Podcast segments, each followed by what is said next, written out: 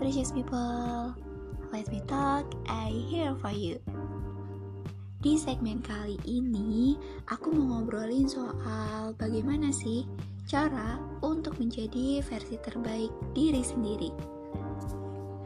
But anyway, hmm, sebelum masuk ke pembahasan nih, aku mau curcol dulu boleh ya? Aku nih ya, kalau ngobrolin sama teman-teman soal what should I do to be a best version of myself, itu tuh sering banget deh bakalan diakhiri dengan kalimat gampang ya loh ngasih masukan ini, ngasih masukan itu. Tapi kan nyatanya gue yang jalanin, gue juga yang rasain. Lo mah gak tahu ya rasanya jadi gue kayak gimana. Jadi ya gue bakalan susah untuk terima masukan-masukan dari lo. Hmm, precious people juga ada yang ngalamin hal yang sama kayak gitu gak sih? Kalau sama ternyata aku gak sendirian ya. Tapi memang loh precious people. Kenapa ya? Kalau misalnya kita ngomongin soal self improvement itu tuh pasti bakalan subjektif banget gitu loh. Bakalan ada aja hal-hal yang mungkin nggak relate sama apa yang kita jalani, apa yang kita rasakan gitu. Karena apa nih precious people? Karena biar bagaimanapun self improvement ini adalah tahapan-tahapan atau hal-hal yang dilakukan atau yang dirasakan sama seseorang itu berdasarkan pengalaman mereka masing-masing.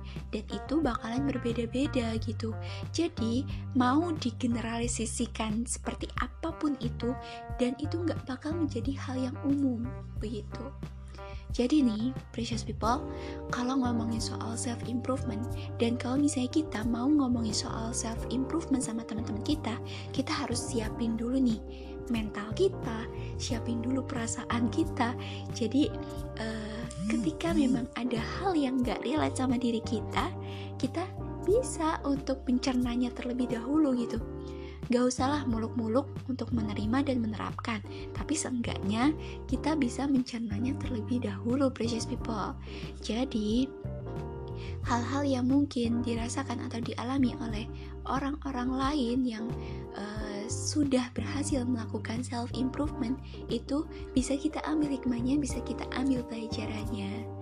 So di sini precious people, uh, tentunya kita eh, nggak uh, bisa ya yang namanya selalu sinkron sama uh, orang lain gitu. Jadi akan ada hal yang mungkin berbeda dengan pendapat kita.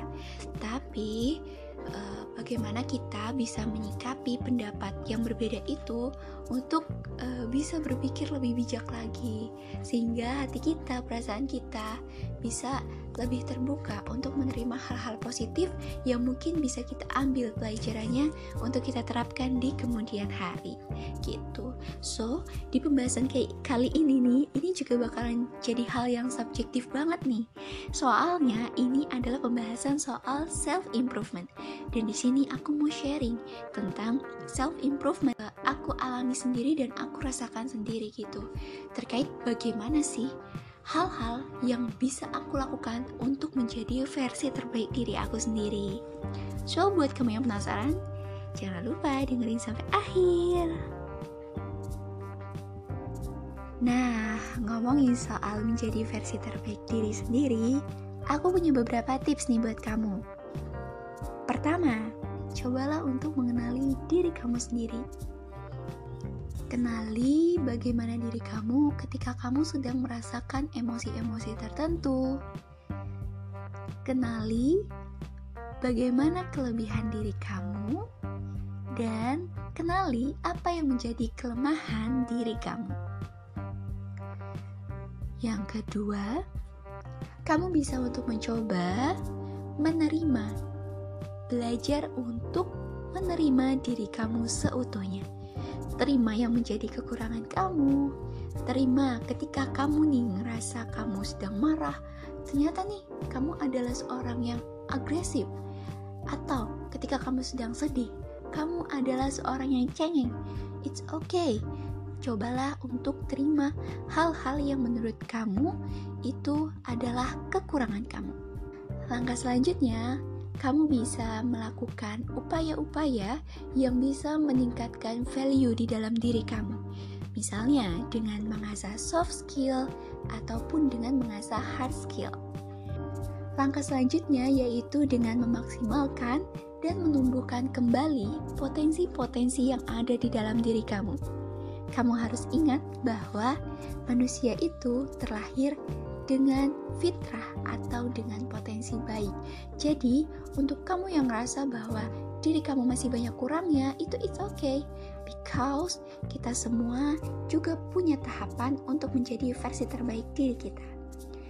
Plus, tips terakhir, versi aku untuk menjadi versi terbaik diri sendiri adalah dengan merasa bahwa diri kita sudah cukup jadi, kita tidak lagi memberikan space atau ruang untuk diri kita mencoba-coba untuk menjadi orang lain. So, ya, yeah, di tips yang terakhir ini, aku menyarankan kamu untuk berusaha membuat karakteristik dan identitas diri kamu sendiri. Kenapa?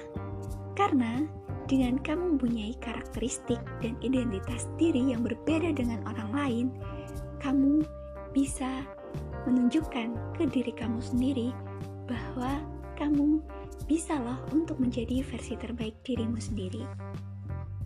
So, semangat buat kamu yang lagi berjuang untuk menjadi versi terbaik diri kamu sendiri. Bye-bye.